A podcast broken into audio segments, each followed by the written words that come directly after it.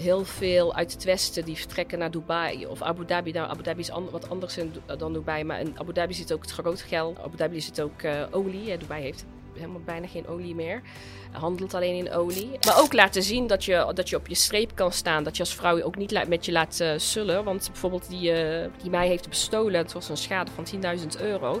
Ja, hij dacht, uh, weet je, een vrouwtje, dat, ik kom er wel mee weg. Maar hij, hij had niet zoveel geluk. In de zin van de officier van justitie die we toen, bij, bij, bij wie mijn vader toen ging presenteren. Want ik was dus, dus in Duitsland en België voor operaties. Maar waar mijn vader toen naartoe ging, bleek uit, in Nederland te hebben gestudeerd.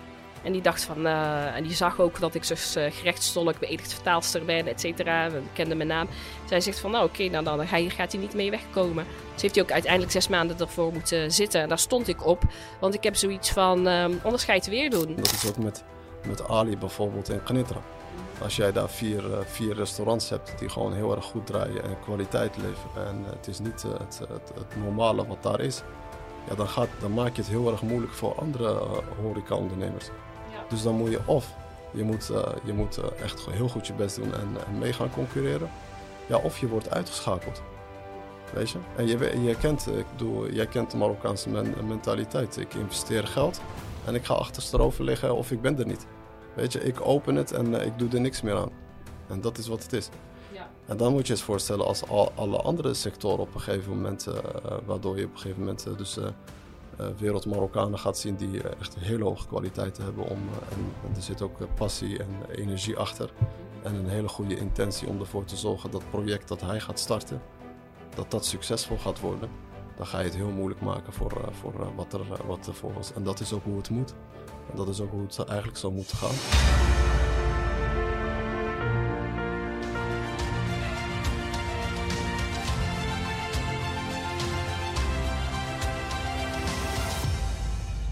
Welkom bij een, eh, een nieuwe en boeiende aflevering. Salam alaikum en uh, welkom uh, bij een nieuwe aflevering van de High Frequency Podcast. Vandaag hebben we het genoeg om in gesprek te gaan met Ahlam Garbawi, een veelzijdige onderneemster en auteur. Ahlam heeft zich onderscheiden in de Emiraten en zowel in Marokko in het ondernemerschap met haar unieke visie en benadering, terwijl ze ook haar inzichten en ervaringen deelt door middel van haar boek, onder andere. In deze aflevering duiken we dus dieper uh, in haar reis, haar inspiraties en uitdagingen die ze onderweg heeft uh, ontmoet. Dus uh, we kijken ernaar uit om vandaag een leuk gesprek te hebben met Ahlem. En Ahlem, salam alaikum en welkom. Alaikum salam. Bedankt voor de uitnodiging. Ja, zeker. En het is leuk dat je er bent. Dank je. We beginnen altijd standaard om voor de kijkers een beetje, ja, de mensen die je niet kennen, een stukje achtergrond. Wie is Ahlem? En, ja, nou ja, Ahlam Rabawi, zoals je zei. Um, ik ben uh, geboren in Nederland. Um, een, een, hele carrière in Nederland gehad. In 2009 ben ik uh, geïmmigreerd naar de Verenigde Arabische Emiraten. Ik ben in Abu Dhabi gaan wonen. Um, ik ben daar gaan werken bij de Nederlandse ambassade als commercieel en cultureel attaché, hè, adviseur of beleidsmedewerker. Het heeft meerdere uh, tenaamstellingen, die functie. Uh, maar ik was uh, in ieder geval um, verantwoordelijk voor de business development van Nederlandse bedrijven. En, uh, en tegelijkertijd uh, was ik dus verantwoordelijk voor, voor het culturele dossier. Uh, nou ja, heel veel gedaan in die functie. een breed netwerk opgebouwd met ehm, zakenmensen, civil society, uh, de koninklijke familie in Abu Dhabi. Het was een hele leuke periode. Uh, daarna ben ik ehm, als, bij, als general manager voor een multinational gaan werken. Um, um, ik mag natuurlijk geen naam noemen, dus ik zal even. in ieder geval in de haircare beauty wereld. Ik heb een distributiebedrijf neergezet in de golfregio. Ik was verantwoordelijk dus voor de, voor de golfstaten. Um, daarna ben ik mijn Nederlandse uh, zakenpartners tegengekomen. Um, Nederlanders die, uh, die, gespecialiseerd zijn in uh, de olie- en gas-educatiesector. Um, en samen met hen heb ik zeg maar de laatste zes jaar werelds grootste olie- en gas-educatiecentrum gerealiseerd in Abu Dhabi. Dat was in opdracht van de overheid van de Verenigde Arabische Emiraten. Ehm, voor, voor hoger onderwijs. Ja. Ja. Dat is een heleboel. Ja. veel gedaan. en hoe ben je een beetje eigenlijk de ondernemerschap eigenlijk ingerold? Nou ja, ondernemerschap, dat is eigenlijk ehm, een reis. Hè? Je, je, bent nooit gelijk ondernemer. Um, ik ben, uh, zoals ik zei, geboren in Nederland en op mijn zesde, dus in Nederland naar de kleuterschool uh, geweest.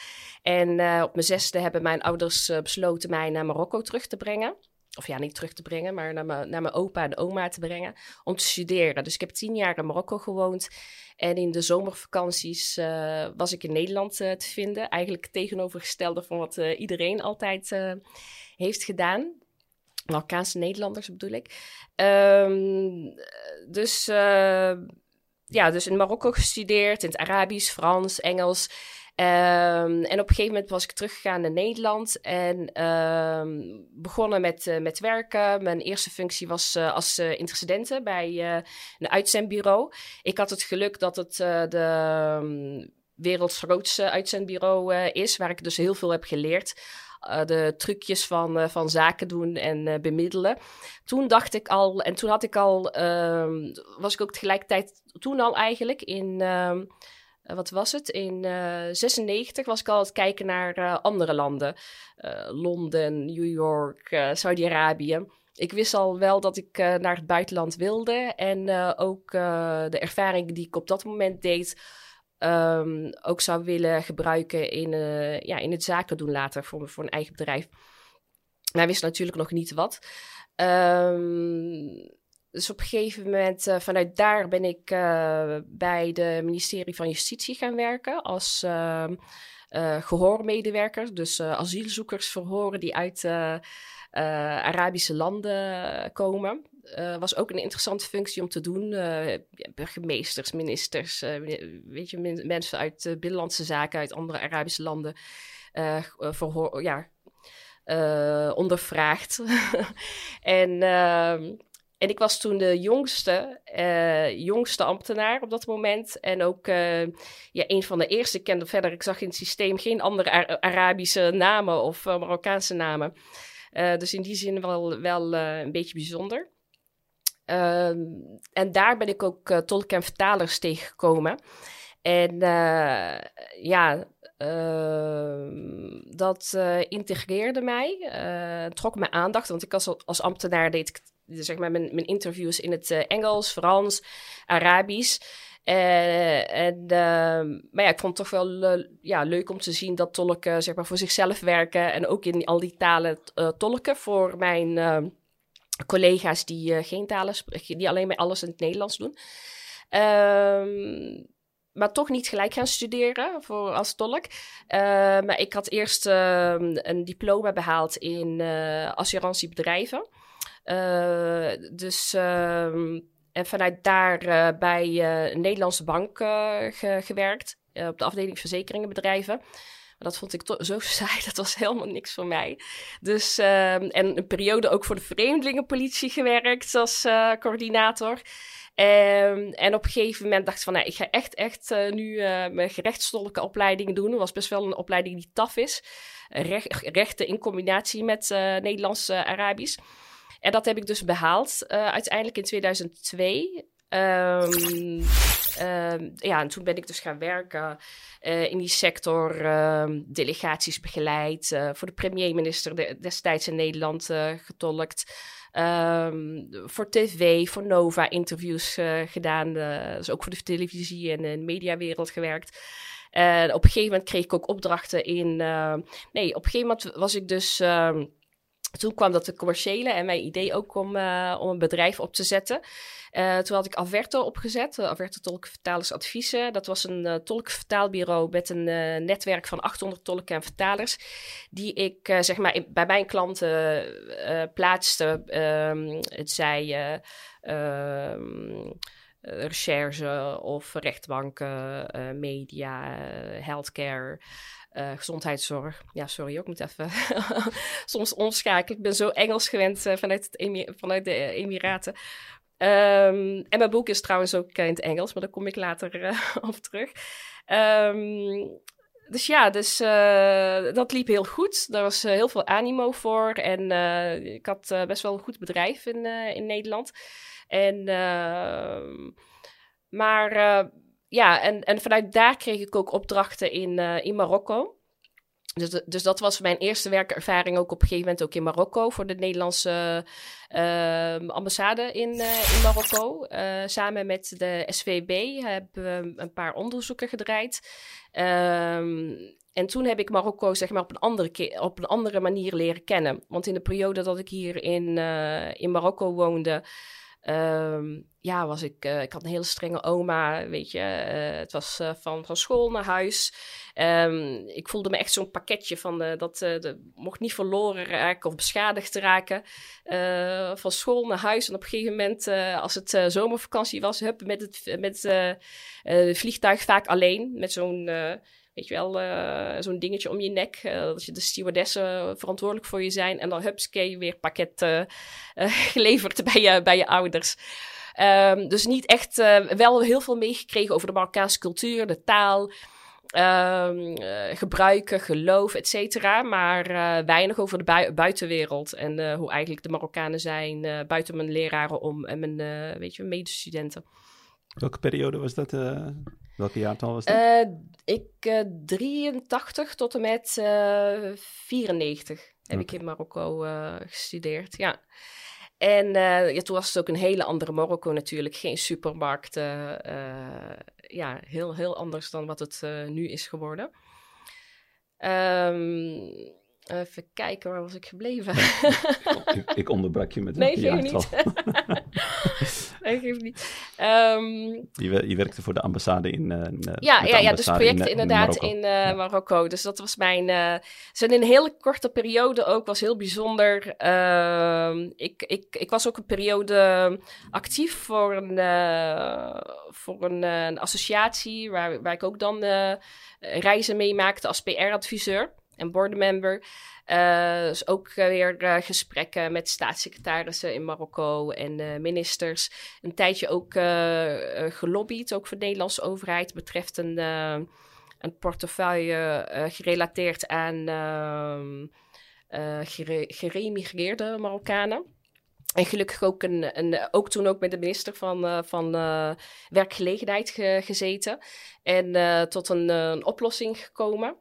Um, ja, ik, ik denk dat ik in die periode dat ik zo vanuit uh, Nederland hier naartoe kwam, dat ik wel mijn kracht had, uh, had uh, ontdekt. Van wat ik kan en wat ik hier toch in een korte periode allemaal voor, elkaar kreeg. Um, en dat, um, ja, dat was inspirerend, maar ook. ik had in Dubai, of tenminste, ik had Dubai in 2004 bezocht. drie weken, gewoon voor vakantie. En, uh, en Abu Dhabi voor één dagje bezocht. En ik werd helemaal verliefd op Abu Dhabi. Rustig, uh, aardige mensen. Ik weet nog dat we toen uh, een gemeenteambtenaar, local, een, een Emirati, waren tegengekomen. Die was zo, uh, die haalde ons op met zijn auto en bracht ons overal naartoe. En dat liet wel een ja, positieve indruk achter. Dus na Marokko dacht ik van, nou, Marokko is heel leuk. Ik had er een ja, mega net ook nog ook een lancering, uh, voor een lancering gezorgd van een, uh, van een Arabische radio. Voor een uh, Nederlandse omroep. dus in die zin heb ik ook ja, mijn netwerk zeg maar, in Marokko kunnen, kunnen gebruiken, gelukkig. Maar op een gegeven moment dacht ik van nou, ik, Marokko is het niet. Niet op dit moment. Marokko is een leuk land om, om misschien te komen investeren. Of, maar op dat moment was het niet voor de dromen die ik had, was het nog niet het moment. Dus uh, eh, 2009 eh, heb ik alles verkocht in Nederland. En uh, iedereen verklaarde me voor gek, want ik had een uh, goed lopend bedrijf, een nieuwe auto, ja, alles wat, wat je maar, zeg maar, um, ja, een materie, zeg maar, zou je denken van, ja, waar, waar doe je het voor? En, uh, en je laat een, een uh, ja, mooi westers land uh, achter en je gaat tussen de Arabieren zitten. Waar ben je mee bezig? Kreeg ik te horen. Maar en vooral, ik ging naar de Emiraten. Nou ja, misschien ook leuk om te zeggen, want ik zat op dat moment, wilde ik me gewoon ontwikkelen. En ik dacht, of ik ga een MBA doen, weet je, 20.000 euro of zo betalen. Of ik neem gewoon wat geld mee en, eh, en ik ga opnieuw beginnen. En ik zie wel hoe ver ik kom. Dus uh, uiteindelijk is het tweede geworden. dus vanuit een, een, een, woning in Nederland met drie etages, et cetera, ben ik naar een studio gegaan in, in de Emiraten. Dat was gewoon peperduur daar. Um, en ja, goed, ik had zo'n koelkast voor mijn, neus, voor mijn neus, zeg maar. Die, die, de hele nacht door, weet je wel. ja, je hoorde maakt. de motor van Juist, precies. dat is gewoon helemaal niet prettig. Maar goed, ik wist wel voor dat ik moest inleveren om weer... je moet soms twee stappen achteruit om weer een paar stappen vooruit te maken. Um, uh, ja, en, en, ook daar gewoon in een hele snelle, heel snel, in een hele korte periode had ik uh, weer mooie relaties opgebouwd en uh, mooie projecten ook gerealiseerd. Ehm, conferences georganiseerd met de Kamer van Koophandel van Abu Dhabi, olie- en gasbedrijven. Ik was verantwoordelijk voor Corporate Social Responsibility. Um, dus dat was ik ook aan het promoten en tegelijkertijd ook Nederland. Nou ja, heel veel leuke dingen gedaan. Um, en um, nou ja. Vanaf 2009 tot en met? Vanaf 2009 tot met 2012. Uh, toen liep ik al tegen mijn uh, Nederlandse compagnons aan.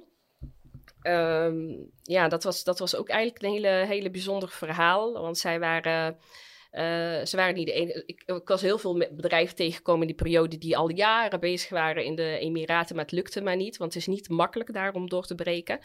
Uh, je moet het echt net hebben van je local uh, netwerk en dat is niet makkelijk, zeg maar, te, te, om daar binnen te komen. Um, kijk, de Arabisch spreken is natuurlijk een voordeel. Um, maar ook uh, weten hoe de Arabische mentaliteit uh, werkt. En uh, heel veel uit het westen die vertrekken naar Dubai of Abu Dhabi. Nou, Abu Dhabi is wat anders dan Dubai, maar in Abu Dhabi zit ook het groot geld. En uh, Abu Dhabi zit ook olie. Dubai heeft helemaal bijna geen olie meer. Handelt alleen in olie. Um, dus, nou ja Um, waar was ik? je begon te netwerken met je compagnons. Juist, inderdaad. Dus ik had inderdaad uh, heel veel uh, uh, bedrijven gezien die, die al lang, langer daar bezig waren, maar steeds de Emiraten met een westerse, ehm, op een westerse manier benaderden. En dat, dat werkt niet. En dan heb je ook sommige bedrijven ertussen zitten, die willen dan dat ik, dat ik mij, zeg maar, die, die willen mij dan inschakelen als strategisch adviseur. Maar, uh, maar die zijn dan zo koppig dat ze het toch op hun eigen manier willen doen. En dat, ja, dat werkt gewoon niet zo. Uh, dus toen ik bij Compagnon uh, tegenkwam, had ik zoiets van, voor de eerste keer, hij wilde steeds een afspraak. En ik had zoiets van, ja, weet je, dat... ik, het gaat niet lukken. Het gaat niet lukken. maar hij was heel erg... Ehm, Kan je daar een voorbeeld in geven? Wat deed hij dan bijvoorbeeld? Nou, hij bleef mij bijvoorbeeld berichtjes sturen. Het zei ja, toen die tijd had je nog geen uh, WhatsApp, maar pingen, weet je wel. Uh, pingen, uh, LinkedIn, bellen, van nee, ik wil die afspraak. Ik zeg, ja, maar ik, weet je, ik ga bijna weer terug naar Nederland en ik heb andere plannen, zo en zo. Um, maar hij stond erop dat hij mij zag. En toen we elkaar hadden gezien, zag ik twee positieve mensen voor me, hij en zijn, hij en zijn vrouw. En vooral zijn vrouw had een, had een beetje uh, ja, hadden allemaal gevoel uh, ervoor. Uh, en nou, ermee gezeten. Ik had naar zijn businessplan bekeken. Ik had naar zijn product vooral bekeken. En zijn product was, was een niche. En ik was al op zoek naar een niche product. Want met de doorsnee producten kon je het niet meer maken, zeg maar, in de, in de Emiraten. Um, en ik dacht van, nou, dit, dit heeft zeker, maakt zeker een kans, grote kans. Uh, en ik kende toen ook de. Ik had toen al onderhand een vriendschap of, uh, van, met de minister van uh, Hoger Onderwijs van de Emiraten. Dat is de cousin van de huidige pre president. En. Um, nou ja, hij was onderhand ook een familievriend geworden, et cetera. Dus kwam regelmatig ook in zijn paleis. En uh, want je hebt, wat ik al eerder heb verteld, je hebt zeg maar een soort majlis met heel veel mensen. En dan uh, word je ontvangen en dan, uh, ja, iedereen die iets wil vragen of die is dan welkom om dat aan hem te, te presenteren. Um, dus ik, had, ik zag het en ik zeg: Oké, je, je, maakt kans, maar dan moet je het wel op mijn manier doen. En niet hoe jij. En daar stonden ze voor open. En dat was de eerste keer dat ik echt een bedrijf had. Dat is zoiets van: Ja, wij zijn hier en we willen het helemaal doen op hoe jij het ziet. Dus ik zeg, en zij, hij had dus een, een, een businessplan van uh, 700.000 euro um, of 800.000 euro. De helft wilde hij lenen, de andere helft wilde hij van de, van de, van de Emiratie overheid krijgen. En het zag er allemaal zo moeilijk uit. Ik zeg, ja, het is, wel, het is een miljoenenbedrijf. Het is, of tenminste, het is een miljoenen land waar je miljoenen kan, kan, uh, kan verdienen. Uh, ja, mensen komen hier voor miljoenen projecten en niet voor dit soort uh, concepten. Dus je moet, je moet concept helemaal veranderen. Dus zo gezegd, zo gedaan, hebben we er een, een, een concept van gemaakt van 14 miljoen euro. Hebben opmerkingen meegegeven en de volgende dag ja, zouden weer elkaar treffen voor een koffie om, om te kijken hoe dat uh, eruit zag. Uh, zag er ook weer goed uit. En uh, de dag daarop zijn we dus vertrokken naar, uh, naar de minister. Um, oh ja, had ik ook nog tegen hem heb gezegd. Ik, ik zei ja, ik heb liever dat je vrouw eigenlijk, want zijn vrouw zat niet in het, bedrijf, die had een totaal andere functie. Uh, ik zei, ik heb liever dat jouw vrouw presenteert. Want, want, in de Emiraten, de mannen die hebben zoveel respect voor de vrouw. Um, dus de, de kans dat, dat de minister zich daar tegen haar zou onderbreken of wegsturen... was veel kleiner dan dat hij tegen hem zou gewoon zeggen van... Juist. dat was een strategie. dat was inderdaad een strategie. Het was ook een mooie vrouw, een mooie krullen. Nederland, ja, Nederlandse vrouw met blonde krullen, et cetera. Nou ja, en uh, dus uh, zo gezegd, zo gedaan, er naartoe gegaan en uh, heeft zij het gepresenteerd. Dan heeft hij mij in eerste instantie gevraagd van, Helen, waar, waar ben je voor gekomen? Ik zei, nee, ik, wil, ik heb liever dat zij de, vertelt wat zij doen. Maar natuurlijk had ik er natuurlijk de key, want dat, dat, dat hadden ze niet op orde, weet je wel. De, de, de, uh, unique selling points, et cetera, et cetera. Want uh, destijds uh, zag je bedrijven ook, wat ik al zei, het deden een beetje op zijn Nederlands, terwijl daar alles een beetje op zijn Amerikaans gebeurt. Uh, het is juist profileren. In Nederland is het zo van, uh, doe maar normaal, dat doe je al gek genoeg. En daar is het van, nee, weet je, uh, laat het zien. Doe juist over de top, dat is goed. Um, nou ja, dus had ze het presenteerd. Dus, ja, hij vond het heel interessant. Had hij ons gekoppeld aan zijn, uh, zijn uh, Amerikaanse adviseur. En zo is het balletje gaan rollen. En dan klinkt dit natuurlijk heel uh, makkelijk en zo. En heel snel. en heel want, snel. Want ik, want ik, hoorde bijvoorbeeld dat je bijvoorbeeld naar de minister ging de volgende dag. Uh, ja. Gaat het op afspraak of gaat het gewoon zo, ik kan even, even naar binnen vallen? Of, Als je mensen het, persoonlijk kent. Of was het dan... gewoon via connectie? Nee, nee, gewoon persoonlijk. Okay. Ik heb gewoon ja, persoonlijke relaties daar met verschillende uh, figuren, zeg maar, of VIP's, zoals zij dat daar zeggen. Um, en dat gaat dan gewoon zo echt één op één. Gewoon een WhatsAppje van, kan, okay. ik, kan ik langskomen? Ik heb dit of zus. En dan ben je altijd okay. welkom. En, en, er is ook een grote gunfactor in de Emiraten. Dat is tenminste mijn, mijn ervaring. Um, zij uh, waarderen heel erg mensen die uit twee culturen komen. Ze hebben daar ook hele goede ervaringen mee. Ik merk ook dat steeds meer Marokkanen uit het Westen, die geboren zijn in het Westen, daar ook aangenomen worden voor hele hoge posities. Um, directeuren van banken, adviseurs van, van een aantal sheiks. Um, ja, die zijn heel erg gewild, want zij hebben eigenlijk uh, een beetje de, uh, het Arabische waar zij naar op zoek zijn in omgang. En tegelijkertijd ook de kennis en de precisie en de professionaliteit waar zij nou op zoek naar zijn. En, en ja, en als je ook kijkt naar de, de, Marokkaanse diaspora, wat zij allemaal hebben gerealiseerd uh, in de wereld, dat is, niet, uh, dat, is, dat is niet niks. Je hebt hele, briljante uh, figuren met ehm, hele hoge opleidingen en ja, indrukwekkend. Indrukwekkend. Ik, als ik kijk bijvoorbeeld in Londen, op wel voor posities Marokkaanse Britten zitten.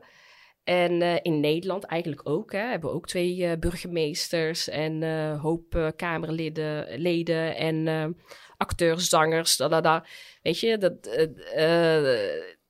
het wordt soms tenminste, soms wordt nadruk gelegd op, of tenminste als iemand ooit een keer wat verkeerd zegt over Marokkanen, wordt dat zo uitgebreid besproken. Terwijl ik persoonlijk vind dat, dat Marokkanen top geïntegreerd zijn in Nederland en het heel goed doen. Want anders kom je er niet op dat soort cruciale posities. We hebben zelfs ook de, de voorzitter van de, van, de, van de Tweede Kamer, was ook in het verleden Marokkaanse. Khadija. Ja, um, dus um, ja, nou, maar, zo, maar, hoe ik het positief zie, zo zie, daar, zie zij dat ook in de Emiraten. En ja, dat biedt gewoon kansen. Dat biedt kansen zeker. Maar het plan werd gepresenteerd. Ja, het plan werd gepresenteerd en toen is het balletje gaan rollen. Wat ik al zei, het klinkt allemaal heel, heel makkelijk, maar het heeft toch nog 4,5 jaar geduurd voor, oh, voordat we, voordat we, want dat werd een tender, voordat we echt daadwerkelijk ook een tender hebben gewonnen. En uh, ja, en toen is het uh, balletje gaan rollen. En toen is het ook niet alleen maar rooskleurig uh, geweest hoor. Want het is. maar goed, in elke business is het een bikkel. Hoe was gesprek gegaan dan, toen jullie daar bij die Mujlis waren? Want je nam uiteindelijk die Nederlandse vrouw mee. Ja. Hoe, hoe was dat verlopen? En haar man, die braaf ging zitten. die mocht niet veel zeggen. Nee. en dan zou die, zou die eruit worden gestuurd. Dus de vrouw deed het woord waarschijnlijk dan samen met jou. En uh, ja. op een gegeven moment kregen jullie goedkeuring van die minister? Ja, ja, ja. Zet, uh, hij zag dat helemaal zitten. Want ik zal je een beetje uitleggen wat het is. Want wat wij doen, uh, olie- en gasplatforms, zeg maar zoals je die ziet op tv. Ja. Dat realiseren wij klein, ja, kleinschalig. Maar dan hebben we het echt over 2000 vierkante meter. Dat is niet echt klein. met alle facetten. Hè? mechanical workshop, electrical workshops. nou, controlkamers, uh, van alles. En uh, dat is voor ingenieurs om daarop ja, te oefenen voordat zij naar, naar de daadwerkelijke, weet je wel, de situatie. voordat ze zeg maar in realiteit gaan werken. En wij leveren ook de curriculum van, aan, aan, de hoger, aan ho hoger onderwijs. En we trainen de, de professoren of docenten. Ja. Ja, dat heeft toch uh, eh, 4,5 jaar geduurd voordat het dan uh, het ja. uiteindelijk zijn begonnen met dat project. Ja, dat hadden ze dus niet. Dat hadden zij dus niet in, uh, in uh, toen wij dus in 2012 de minister hadden benaderd. Dat hadden zij nog niet. Maar ze hadden wel die plannen al, ook voor een aviation center, et cetera. Dat staat er nu onderhand allemaal.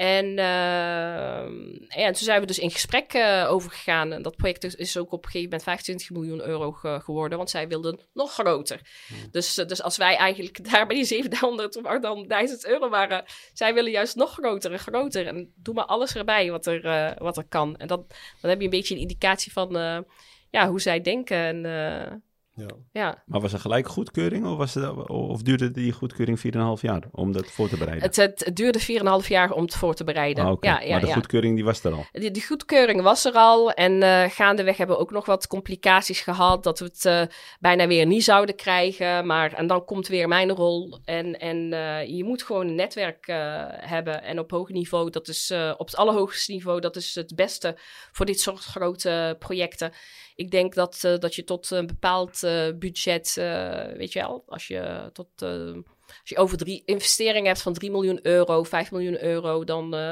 kan het nog allemaal op, ja, dan kan het nog allemaal, zeg maar. Ehm, maar daarboven moet je wel, moet je ook de, de ministers kennen en de royalties kennen en... Want die hebben daar iets over te zeggen. Het is uiteindelijk hun geld, hè? dat is ook niet gek. Ja. Maar het werd uh, voor hoe, hoeveel procent ge, gefinancierd door de overheid? Of 100 procent. 100 procent? Ja. Oh, oké. Ja, wij waren alleen verantwoordelijk Ik dacht dat het alleen sprake van dat het gesubsidieerd werd. Ik dacht dat het een subsidie was, een, een deel ervan. Maar ja, het werd helemaal... Een, uh, tenders. Ja. Ah, oké. Ja, uiteindelijk werd het tenders, uh, ja. toch? Ja, ja. ja het werd uh, inderdaad een tender. En uh, ik denk zelfs dat er wel mogelijk, dat er ook nog mogelijkheden zitten om nog, nog een grotere centrum daar te realiseren. Maar ja, helaas, mijn uh, compagnons die zijn ermee gestopt. ondanks dat ik nog mogelijkheden zag in Saudi-Arabië en in Kazachstan, et cetera. Ehm, maar ja, zij zijn met pensioen, dus dat gun ik ze ook van harte. Oké. Okay. Ja. En toen, want uh, ik bedoel, je hart ligt ook uh, in Marokko, want je hebt in Marokko ook nog uh, onderneming opgestart uiteindelijk. Ja. Kun je daar meer over vertellen? Ja, ja. Ehm, nou ja, ik doe sowieso business consultancy. Ik ben strategisch adviseur, gericht op de Emiraten. Dus eigenlijk in de periodes dat ik in, de Emira in Marokko zat, vooral ook na corona, ben ik ook remote meer gaan, eh, gaan werken. Dus uh, was het wel uh, fijn vertoeven, zeg maar, hier in, in Marokko. Ook dicht bij de familie, want de Emiraten ligt toch weer een stukje verderop. Um, en ja, Marokko, moet ik zeggen over Marokko? Ik denk dat Marokko een heel leuk land is. Ik, ik raad het iedereen aan die remote werkt. Uh, als je toch op afstand kan werken. Je hebt hele goede lijnen vanuit verschillende steden in Marokko naar, uh, naar uh, Nederland. dus ja, waarom zou je dan bijvoorbeeld in, een, in het algemeen, hè, in een koud land, of je, je hebt mensen die die ambitie hebben hè, om in een warme land te zitten en, en te, te werken op afstand. Ehm, daarnaast ja, voor ondernemers zie ik ook uh, heel, veel, uh, heel veel mogelijkheden. Of je nou een arts bent of tandarts, of, uh, dat kan allemaal hier. Ook een beetje naar Nederlands standaard, ook qua verdiensten, et cetera. Is het niet een beetje me meer eigenlijk? Vaak kost het hier meer dan, toch? Ja. Dan in Europa. Ehm, en de, de markt daarvoor is ook gigantisch groot. Ja, ja, ja, ja. ja. ja. Vooral voor, de, voor die twee die je net zei. Dus de tandartspraktijken, doktoren, artsen, ook verpleeg, ja. verpleegkundigen. Verpleegkundigen, ja. Goeie, ja. Daar is een grote markt voor. Ja, ja. En uh, ja, daarnaast uh, ja, ook restauranten hè, waar jij in zit. Dat schijnt ook, uh, maar daar kan jij beter iets over zeggen. Dat schijnt ook een booming business te zijn. zeker. Ja. ja.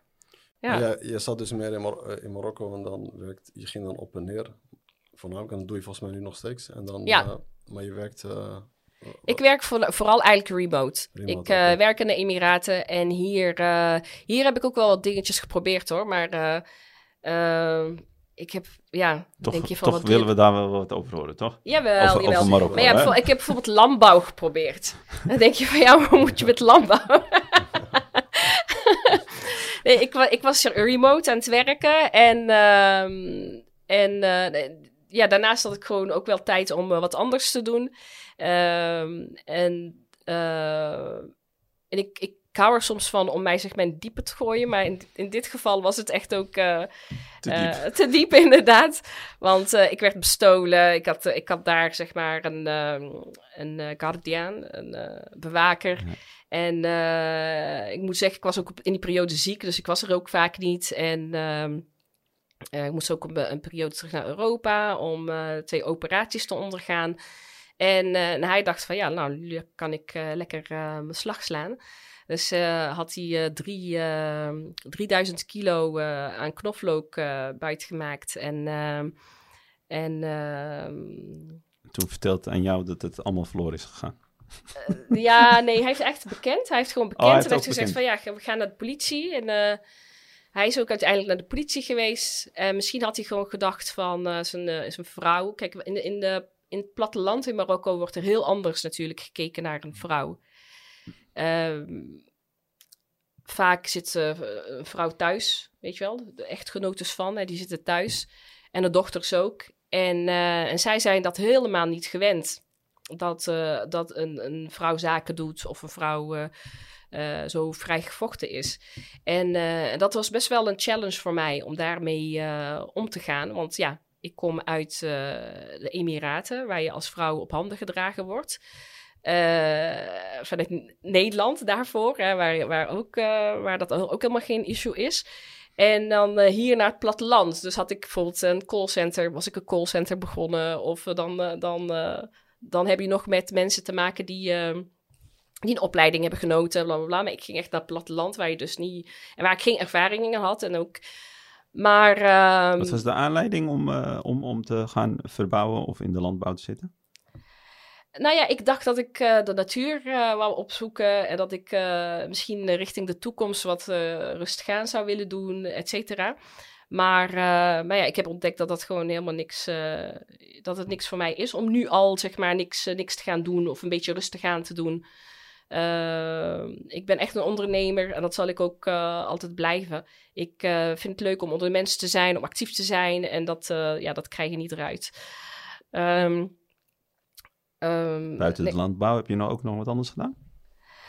Eh, ik heb ook met personeel te maken gehad in, Mar in Marokko. En uh, daarin heb ik ook heel veel uh, geleerd. Ik moet je zeggen, in Marokko heb ik echt uit mijn comfort, uh, zeg maar, buiten mijn comfortzone gehandeld. Alles, was, alles werkt anders. Echt letterlijk, alles werkt anders. Maar alles werkt ook weer hetzelfde. Het is heel, het is heel dubbel. Um, het, is bijvoorbeeld... niet, het is eigenlijk niet te begrijpen. ja, het is eigenlijk niet te begrijpen. Uh, maar wat werkt anders? Ik denk dat wij. Um, toen ik hier naartoe kwam, heb ik gewoon onderschat dat, uh, dat mensen geen training hebben gehad. Dat mensen geen, niet dezelfde referentiekader als ik hebben. Uh, kijk, voor ons in Nederland zijn heel veel dingetjes gewoon. Uh, ja, dat is, dat is uh, welke dingen zou je dan uh, hè, kunnen vragen?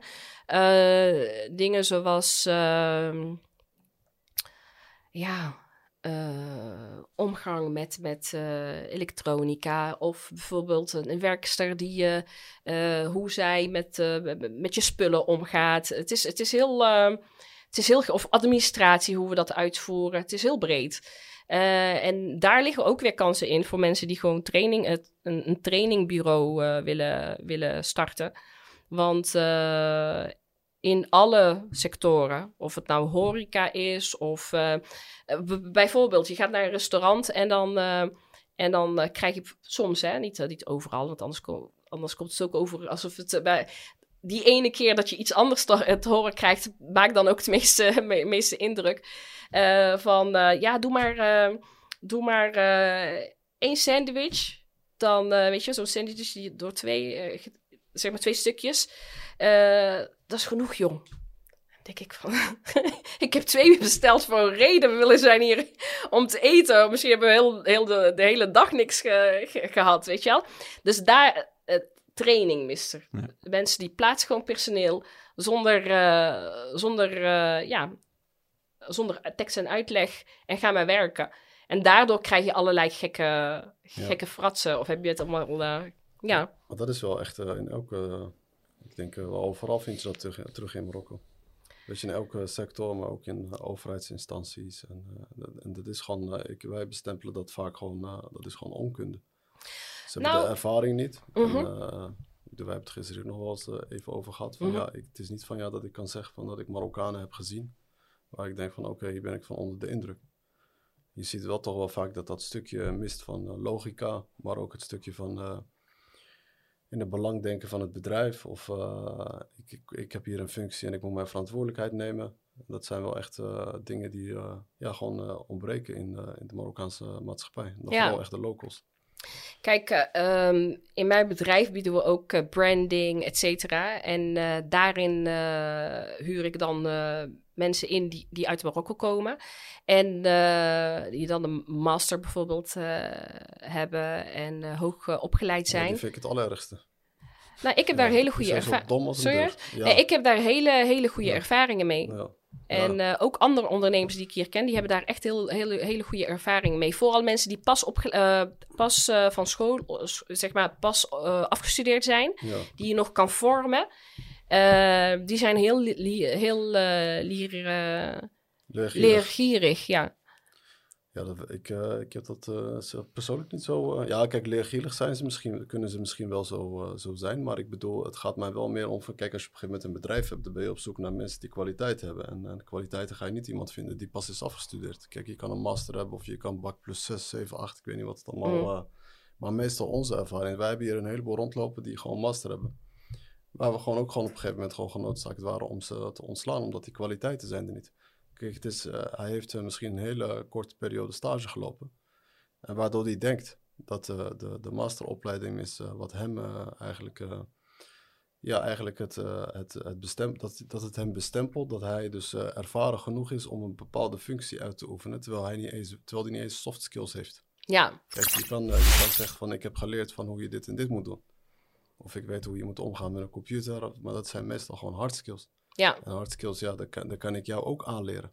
Ja, ja maar die soft skills, die, die moet je ze dus, dus uh, bijbrengen. Ja, dat maar, is... Uh, ja. dat, dat moet, dat, je, moet, je moet in ze investeren, maar ik zou ook niet in iedereen investeren. Dat heb ik ook wel afgeleerd. Want vroeger dacht ik van, ik had die, uh, uh, in Nederland zijn we heel loyaal. Weet je, je, je krijgt uh, een proefperiode van twee, uh, twee maanden. Je mag leren, je mag fouten maken, la la la.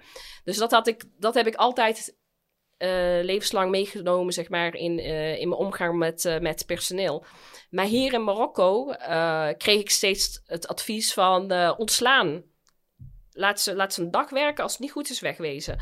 En ik dacht waarom zijn jullie zo hard uh, naar elkaar toe? Uh, waarom, waar, ja, waarom ik, krijg je geen ik, kans? Ik, ik, heb dat ook uh, gehad hoor. Dat ik eerst dacht van, ik, neem dat, ik neem dat stukje mee wat je zegt ja. van ja, inderdaad, het, het, Nederlandse mentaliteit van... je moet al denken, moet al lachen. ja, nee, ik denk terug aan, aan, mezelf als je, als okay. je zo begint te praten. Ja, ja dus het stukje Nederlandse mentaliteit van oké, okay, ja, geef ze de kans, geef ze de ruimte, laat ze fouten maken. Ik weet precies wat je bedoelt, maar op een gegeven moment heb je heel veel verschillende uh, strategieën toegepast of omgangen met personeel en dan zie je inderdaad dat veel niet werkt. En dan waar kom je dan uiteindelijk op neer? Dan ga je weer automatisch terug naar het, uh, het, uh, het, ja, het systeem waar zij op werken. Ik heb dat ook. Als iemand bij mij de eerste dag komt werken, het is niet dat ik zelf personeel aanneem. Dat gaat natuurlijk wel via de, de HR of, of andere afdelingen. En, en, maar als, als ik kan iemand aankijken en ik kan zien van wat hij vandaag heeft gedaan, of hoe hij erin staat, of wat zijn houding is, of, of ja, dan, dan vind ik ook liever dat je hem meteen moet ontslaan dan dat je zegt van ja, ik geef hem nog even de ruimte om te kijken van hoe het is. Want ik denk vanaf dag één of twee of drie dat je al weet van ja, hoe laat het is. Ja, nee, ik ben het met je eens. Ik, ik heb ook in, in, hier in Marokko geleerd dat je, dat je meer sollicitatiegesprekken moet hebben. Dat je niet zeg maar drie, vier, uh, als je nog niet hebt, als, als je nog niet de persoon hebt gevonden die, je die je wil, neem dan niet genoegen met een zes of de, het moet echt een 19 zijn. Uh, dat sowieso. Ja, maar die, dus doorgaan, probleem, die, blijven zoeken. Ja, ja. ik, ik uh, zijn er echt niet. Ja, ja. Uh, blij, blijven zoeken. Uh, nou ja, dan heb ik wel een goede, goede HR-dame. Ja, ik heb ja. ook een goede HR-dame voor jou die, dat, uh, die, die, ze, die ze echt kan vinden. Ik heb ze met eigen ogen gezien dat ze echt bestaan bij verschillende bedrijven. Onder, waaronder ook die, dat bedrijf, IT-bedrijf, die ik vorig jaar heb begeleid naar de Emiraten. Dat is een bedrijf die ehm, blockchain als spe specialisatie hebben. Dus een van de, de, grootste klanten is ook in, in Dubai. En ik heb ze geholpen om nog meer uit te breiden en nog meer geld te gaan verdienen. Dat is een beetje mijn werk. En, um, en ja, juist bijvoorbeeld de klanten die zij hebben, die hebben juist voor Marokko gekozen, omdat zij hebben rondgestopt in India, in China. en Marokkanen zijn ja, die, die zijn gewoon veel beter in coding en, uh, en IT in vergelijking met de rest, want zij coderen precies. Zij coderen in verschillende talen, in Arabisch, Frans, Engels. Dat, dat, die talen kunnen de anderen niet. Vaak in India heb ik ook gehoord dat ze ook niet uh, precies zijn, et cetera. Dus er is wel heel veel value hier. Ik denk dat uh, uh, als je Marokko weer versus andere landen doet, andere landen vergelijkt, dan ja, staat, staat Marokkaans personeel wel steekt er bovenuit. Ja. Er, zullen wel bepaalde functies zijn inderdaad waar het... Uh, Alleen je moet, je moet inderdaad goed, goed zoeken, durven te ontslaan, gelijk ontslaan. Dat heb ik ook gewoon nu over, uh, overgenomen. Maar ook laten zien dat je, dat je op je streep kan staan. Dat je als vrouw ook niet met je laat uh, sullen. Want bijvoorbeeld die, die jongen die, die mij heeft bestolen, het was een schade van 10.000 euro. Ehm, ja, hij dacht, weet je, een vrouwtje, dat, ik kom er wel mee weg. Uh, maar hij, uh, hij, had niet, uh, hij had niet zoveel geluk. In de zin van de, de, officier van justitie die we toen, bij, bij, bij wie mijn vader toen ging presenteren. Want ik was dus, dus in, in Duitsland en België voor operaties. Maar waar mijn vader toen naartoe ging, bleek uit, in Nederland te hebben gestudeerd. En die dacht van, uh, en die zag ook dat ik dus uh, gerechtstolk, beëdigd vertaalster ben, et cetera. kende mijn naam. Zij zegt van, nou oké, nou dan gaat hij niet mee wegkomen. Ze heeft hij ook uiteindelijk zes maanden ervoor moeten zitten. En daar stond ik op, want ik heb zoiets van, um, anders ga je het weer doen bij het volgende. Het is niet dat ik niet vergevensgezind uh, ben, want ik draag niet mijn hoofddoek zomaar. Weet je, als moslim moet je juist vergevensgezind zijn en en meelevend zijn, et cetera. Maar mensen moeten ook, schadelijke mensen moeten ook hun lessen leren om niet anderen weer kwaad te doen. En, en natuurlijk een signaal, dat kreeg ik ook van een vriend van mij hier horen. Hij zegt, het is ook een signaal aan de rest van je personeel. Want die gaan ook uh, uitkijken in, de dus, eh, toekomst. Dat wou ik dus toevoegen, want uh, als ondernemer moet je, moet, moet, je dat niet kunnen accepteren. Ja. Dan ga je je hele organisatie uh, naar de Filistijnen helpen. Ja, ja. Dan moet je hard intreden. Ja. Nou, ik heb zo, zelf ook zo'n voorbeeld gehad met, zo, met een werknemer. Oké. die moest ook voor acht maanden de bak in. Echt waar? Ja. Wat had hij buiten? Ja, het was, het was ook eigenlijk een, gewoon een vertrouwenspersoon die al tien jaar bij mij werkte. En uh, ja, dan denk je eigenlijk denk je, denk je er niet over na dat, dat, dat je door hem bestolen kan worden. Ja. Kijk, en als dat gebeurt, dan, dan moet je hard treden. Ja, ja. dan moet je niet, dat heeft niks met vergeven te maken, want je, je, bent, je bent heus wel, je kan mensen vergeven, maar in andere dingen. Maar kijk, als het dan om een organisatie gaat, en waar ook andere mensen, zoals je net zei, uh, misschien uh, een aantal personeelsleden hebt die, die daar werken. Ja, dan moet dat een voorbeeld zijn voor anderen. Ja. Hoe daarmee omgegaan wordt. Kijk, als je hem vergeeft, dan gebeurt het waarschijnlijk daarna nog een keer of nog een keer en nog een keer. Ja, ja worden anderen ook gemotiveerd om, te, om het te, te doen. Dus en, uh, en ik neem aan dat jij ook gewoon heel correct bent voor je personeel en zo goed als, ja. Ja, toch? Ja, ja, ja, dat ben ik ook. Ik ben heel goed. ik, doe, ik, doe, ik doe meer dan wat, er, wat een ander zou doen. Dus dan denk ik ook van ja, dat, dat verdien ik niet. En maak ik ook duidelijk. Ja, er zijn veel complicaties, vooral als je het, als je het hebt over de Marokkaanse personeel. Ja. Dan kan het heel ingewikkeld zijn. Maar het is overal zo hoor. Ik denk dat, ik, weet je, in de Emiraten worden ook mensen bestolen. Het is niet zo van, oh ja, nu hier zijn het allemaal uh, dieven of zo. Je moet gewoon scherp zijn. Je hebt een hele andere positie als uh, ondernemer. Uh, in, in, vergelijking met gewoon een werknemer, snap je?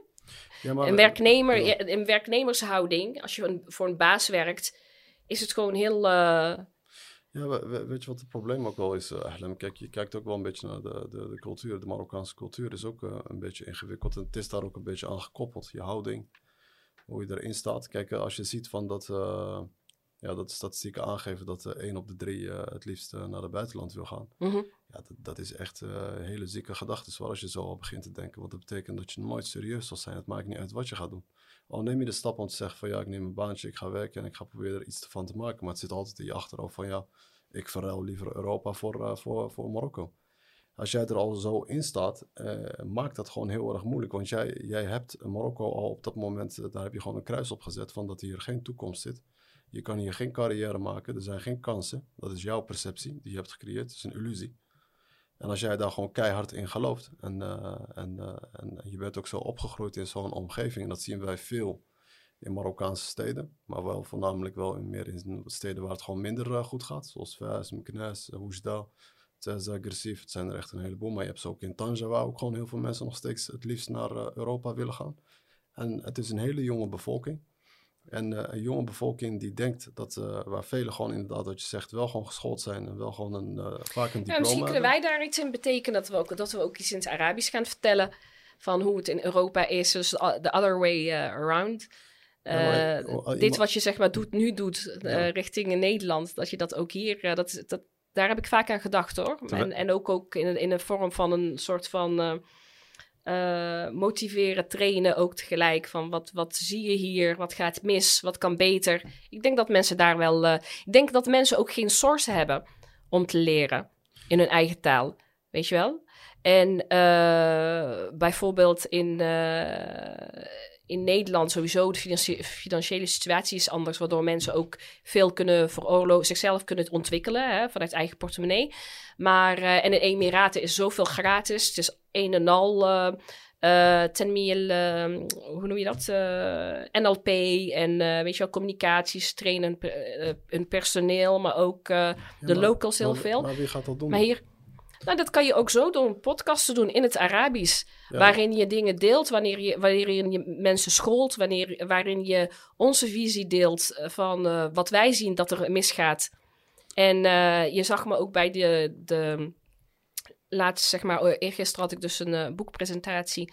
Kom later op terug. Maar even, dus er had ik ook een, paar bekende journalisten van Duzem naast mij. Die zouden daar ook een rol in willen spelen. Dus het kan. Iemand zou het moeten doen, snap je?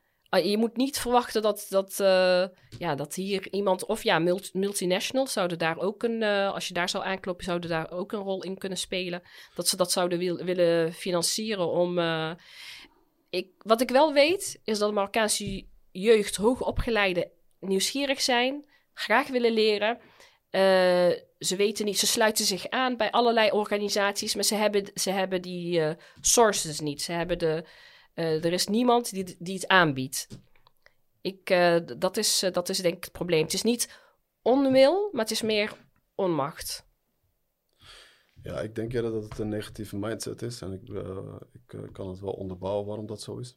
En, uh... ja, als, je zo, als je dat zo zegt, dan komt niemand meer ondernemen in Marokko. ik, ben, nee, ik, ik, ben, ik, ben, ik ben positiever, want, zo, uh, want zo, ik zie... Zo bedoelt hij het niet. Nee, ja. ja, maar ik, bedoel, als, als, als, jij, als jij als ondernemer juist, hoe heet het, uh, stel voor jij zit in Nederland, ja, ja, ja. of in België, of waar dan ook. -huh. Dan is dit juist een hele mooie kans voor jou, want jij moet het juist als een hele grote kans zien. Dit is niet negatief. Natuurlijk zijn er obstakels, er zijn ook, er zijn ook heel veel problemen met personeel in andere landen. Ik zeg niet dat dat niet zo is. Maar waar het mij meer om gaat is van ja, kijk, als je kijkt naar het Marokkaanse bevolking, is er gewoon, zijn er een aantal uh, aspecten waar gewoon echt een hele grote, ja, wat gewoon uh, ervoor zorgt dat Marokko niet verder kan. En, en, Marokko gaat niet verder met de locals. Dat is een feit. Mm -hmm. dit, is, mhm. dit hebben ze al zo lang geprobeerd en het gaat niet lukken. Ze mhm. hebben niet de juiste mensen ervoor. Mhm, en wie zijn de, je, je, gaf het net zo ook al aan, dat was een goede voorbeeld. Waarom denk je dat die Emiratis, ja, die hebben zoveel geld. En je hebt gezien wat ze, hebben, eh, wat, ze, wat ze daar hebben neergezet in Dubai in een hele korte tijd. Mhm. En waarom zien ze, denk je, potentie in, in, in Marokkanen met, of uh, Marokkaanse Nederlanders of wereld-Marokkanen met twee culturen? Mhm. Dat is niet zomaar zo. Ze nee, weten zeker één, niet. Ze hebben de kwaliteit. Ze hebben daar genoten van, eh, van, van de omgang met, met, met de Nederlandse cultuur. Maar ook zowel, uh, ze kennen nog wel de, de, de, de Marokkaanse cultuur uh, in huis. Mm dus dat is hetzelfde ook met het voetbalelftal. Mm Als jij, uh, laten we zeggen, je hebt elf spelers, waarvan uh, het, uh, acht of zeven vanuit allemaal verschillende landen zijn. Dan zijn die andere drie locals, ja, of vier locals, die zijn sowieso genoodzaakt om mee te doen en mee te, te voetballen op dat niveau. Mm -hmm. Dus ze mhm. gaan al die kleine details meekrijgen. Ze mhm. zien van ja, inderdaad, van oké, hij doet het op die manier. Oh, hij traint een uur langer. Oh, hij komt op tijd. Oh nee, hij, hij, gebruikt dit of hij gebruikt deze behandeling. Dat zijn hele kleine dingen die gewoon op een gegeven moment ervoor zorgen dat zelfs die locals op een gegeven moment beter gaan worden. Mhm. Maar als jij in een, uh, in een gemeenschap zit, ja, waar je ziet waar iedereen heel erg negatief zit, uh, heel mhm. negatief is. Ik, mhm. bedoel, ik heb ertussen gezeten en ik weet precies hoe ze denken. Het is een hele negatieve mindset. Als je zegt één op de drie, waar, maar dat geloof ik nog niet eens. Hè. Die statistiek geloof ik niet. Het is misschien zelfs twee op de drie. Twee op de drie wil weg uit Marokko. Die ziet geen toekomst in Marokko, want dat is waar het op neerkomt. Mhm. Als jij bent geboren in een, uh, als jij bent geboren in Marokko en, en, en opgegroeid in zo'n, in zo'n omgeving, ben je gemanipuleerd.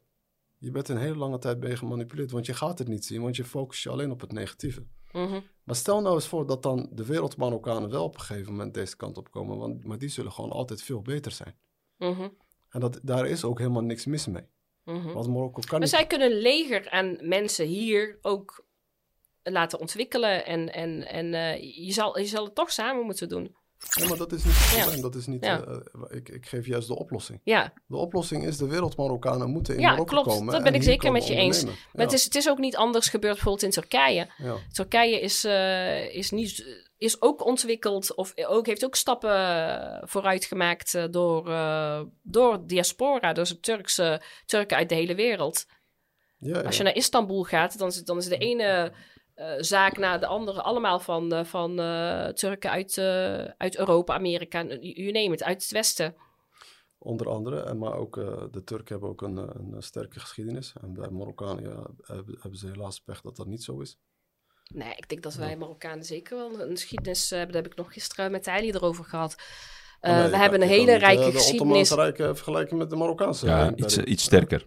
Maar wel een, een, geschiedenis, maar hij bedoelt een andere geschiedenis. Nee, ja. dat, dat, eh, de Ottomaanse Rijk, die hadden, dat is niet zo lang geleden, en die, die heerste echt, uh, volgens mij iets van 900 jaar, echt uh, over uh, overgrootste gedeelte van de wereld. Ja, maar niet in Marokko, omdat Marokko destijds ook zo sterk was en ook Ehm, ook een gedeelte van Spanje hebben gekoloniseerd. En eh, qua architectuur en eh, engineering, et cetera, Nee, heel dat- erg dat is- eh, ja.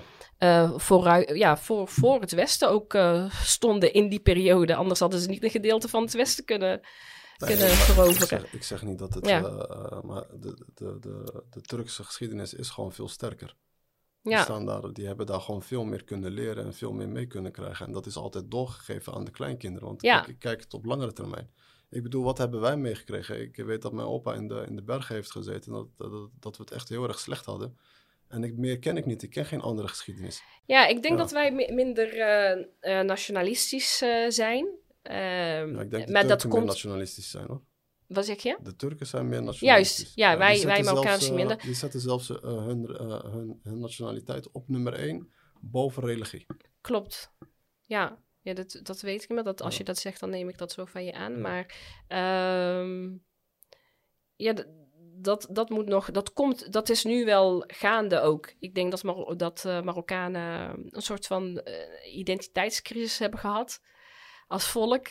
Eh, gezien eh, in Marokko ook. Buiten, maar Marokko, maar ook in Marokko. eh, vanwege de, de, de ja, kolonie, zeg maar. De Franse. Ja, de kolonisatie juist. En, ehm, maar ik, ik, ik, er is wel een verandering in. Kijk, in mijn tijd, ik heb al in het Arabisch gestudeerd hier in Marokko. Dus mijn generatie is al een hele andere generatie dan de vorige. Dus bijvoorbeeld mijn generatie spreekt niet. eh, als ik ze hier tegenkom, dan spreken ze gewoon Arabisch, spreken ze niet eh, Frans. Eh, en de huidige je- jeugd, die, die spreken ook Engels, zijn ook helemaal. eh, het is ook een andere soort. eh, generatie dus die exposed is, zeg maar, ook op internet. En nou ja, ik, ik zie wel een hele, hele positieve verandering.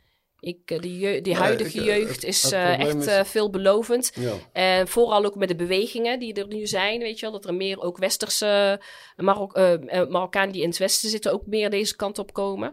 En ook de ontwikkelingen die er zijn in het land. Het, land is al rijk, weet je wel. We hebben de grootste fosfaatreserve van de wereld. Ehm, ja, maar daar Oh. maakt de bevolking niet gebruik van. ja, Dus, maar eh, nu ook weer eh, olie en gas. Dus dat, dat, dat komt er ook bij. Dus er zijn ontwikkelingen. Het gaat vooruit. ja. En vanaf nu, zeg maar, zie ik wel dat het gewoon alleen maar vooruit eh, zal gaan, inshallah. Het ontwikkelt zich wel in de positieve richting. En daarom is het zeker nu het moment ook voor, voor, voor Marokkanen uit de wereld om, om zich aan te sluiten. En niet de kansen weer, ja, de kansen weer voorbij te laten gaan. Ja, ja. En wat ik ook, eh, nog één dingetje wat ik zou eh, willen toevoegen, is dat ehm, wat mij ook steeds hier heeft gehouden. Ik denk, eh, waarom lukt het de Westerling wel om hier een succesvolle restaurant te hebben, een, een sportclub te hebben, een eh, maison d'hôte te hebben, weet je, een hotel. En waarom, juist, en waar, waarom wij niet? Ja, Snap je? Terwijl wij ook toch weer ja, eigenlijk Marokkaanse roots hebben. Al zijn we buiten Marokko opgegroeid, maar dan nog. Dus, eh, en dat was voor mij juist de motivatie om juist door te zetten. Want zoals hij het kan, zou ik het ook moeten kunnen. En dan ligt het eerder aan mij dan, dan aan, aan, eh, aan Marokko. Want blijkbaar kun je toch dingen voor elkaar krijgen in Marokko. Ja, maar, Begrijp ik bedoel? ja, maar ik, ik, ik bedoel dat, dat negatieve mindset die die locals hebben, heeft er ook voor, eh, weet je, heeft er ook voor eh, veroorzaakt dat vele wereldmarokkanen ook op een gegeven moment een hele negatieve beeld krijgen over Marokko zelf. Ja, En dat is, ook, eh, dat is ook een probleem. Kijk, maar op dit moment, als, als, da, als daar verandering in gaat komen en, en op een gegeven moment ga je. Het is begonnen hoor. Er zijn, Mhm. er zijn heel veel wereldmarokkanen die al nu in Marokko zitten. En die gaan die sectoren overnemen hoor. ja, En dat is, dat is wat, juist wat nodig is. De economie moet worden, eh, moet worden gerund door eh wereldmarokkanen. Ja. Voor de overgrootste gedeelte. Ja. En, en dit, dit is daar ben de- ik met je, met je de eens. enigste, mo- de enigste mogelijkheid dat Marokko naar het volgende niveau gaat. Ja. Want je zegt wel van ja, waarom lukt het wel bijvoorbeeld eh, mensen uit het Westen? Heel veel Fransen en eh, weet ik veel wat daar allemaal zit in Marrakesh en over heel Marokko. Ja, het lukt hun omdat zij één. Ze hebben misschien eh, weten zij, hebben zij niet vanaf jongs af aan dat negatieve beeld over Marokko meegekregen. Precies. En horen geen verhalen van anderen van hoe het daar nou precies eigenlijk in Marokko gaat. Ja. Terwijl het meestal, ja, dat is een, eh, een mening van, eh, van een local. En Maar ook een mening misschien die wij hebben overgenomen van onze ouders. ja, ja. Die, moet je ook, die mening moet je ook eh, weer herzien en, en kijken in hoeverre dat echt ook klopt. Ja. Eh, ik denk eh, als je het gewoon hier op zijn eh, zou aanpakken hoe je het elders hebt aangepakt in de wereld, dan moet het eh, ook lukken. Eh, ik denk, eh, ik, ik, tenminste, ik ben iemand die altijd dingen bij mezelf leg- legt in plaats van een slachtofferrol te spelen van, nou, het is mij aangedaan. Ehm, wat ik al zei, bijvoorbeeld, ik heb eh, sneller mensen aangenomen, alleen maar omdat ze misschien Marokkaans waren. Dacht van, nou, jij bent toch, we zijn, toch, snap je? Ik heb niet op, zijn, op hoe ik het normaal gesproken in de Emiraten of in elders zou, zou doen, heb ik het hier toch anders gedaan. Vanuit die emo- emotionele band die je, die je hebt met het land. En dan heb je niet eh, zakelijk gehandeld. Dus ik denk als je gewoon hier naartoe komt en dingen professioneel aanpakt zoals je dat ook eh, elders doet, in Nederland of waar dan ook, dan moet het een succes worden. Wa- Wat zouden die locals denken eh, als, je, als je er zo over nadenkt om, om, om bijvoorbeeld aan de andere kant te zitten van de zee? Alsof het daar eh, makkelijk is, eh, alsof, het daar, Ja, maar- alsof je daar weten- niet, keihard hoeft te Ja, werken om dat- iets op te bouwen. Dat En daar moet je je ook heel erg bewijzen om, om, om, om daar, aan, om daar aan, ergens aan de top te komen. Dus, dus ik, ik snap niet hoe, hoe ze eigenlijk denken. Terwijl als je het hier niet kan, dan zou, zou je daar ook niet kunnen. Nee, nee maar daar, daar zijn ze bereid. Daar zitten ze in een nieuwe situatie en zijn ze bereid om te. krijgen ze de feiten, zeg maar, met de feiten te maken en moeten ze wel veranderen. En eh, maar ik denk dat de wil voor verandering ook hier, eh, hier is. Nee, ik heb dat bij nee, verschillende. nee, maar wij- eh, Ja. zodat we niet, zodat we niet want het, het- ik heb het gevoel dat je denkt van dat wij juist heel negatief over Marokko praten. Maar dat is niet zo. Ik praat Ja. over een problematiek die we hier in Marokko hebben, wat belemmerend is. Ja, zodat Marokko, het, wa- waardoor Marokko niet naar het volgende niveau kan gaan. En dat moeten wij accepteren. Als wij Ja. dus het probleem niet, als we daar niet open kaart over zijn. En wij gaan niet eh, beseffen van dat er een heel groot probleem is in Marokko. Maar wat kunnen we eraan doen, denk je? Ja, dat was, dat was ik aan het uitleggen. Dat kan alleen als er uh, het, wereldmarokkanen naar Marokko gaan komen. Het Ja. gaat niet anders, want het, ik, ik denk niet dat het met de locals gaat lukken. Ja, Want eens, ze, ze, het is, ze zijn in een, ze zitten in een, in een, ja, in een, eh, in een- ze, zijn zo opgegroeid dat Marokko niet het land is waar je eh, bijvoorbeeld carrière of een toekomst kan bouwen. ja, ja. ja. Waarom? En dan eh, kijken mensen altijd natuurlijk naar een aantal zaken. En dat is bijvoorbeeld gezondheid. Ja, inderdaad. Er zijn ook heel veel problemen in de gezondheid van Marokko. Er zijn niet genoeg ziekenhuizen, er zijn niet genoeg klinieken, er zijn niet echt goede doktoren.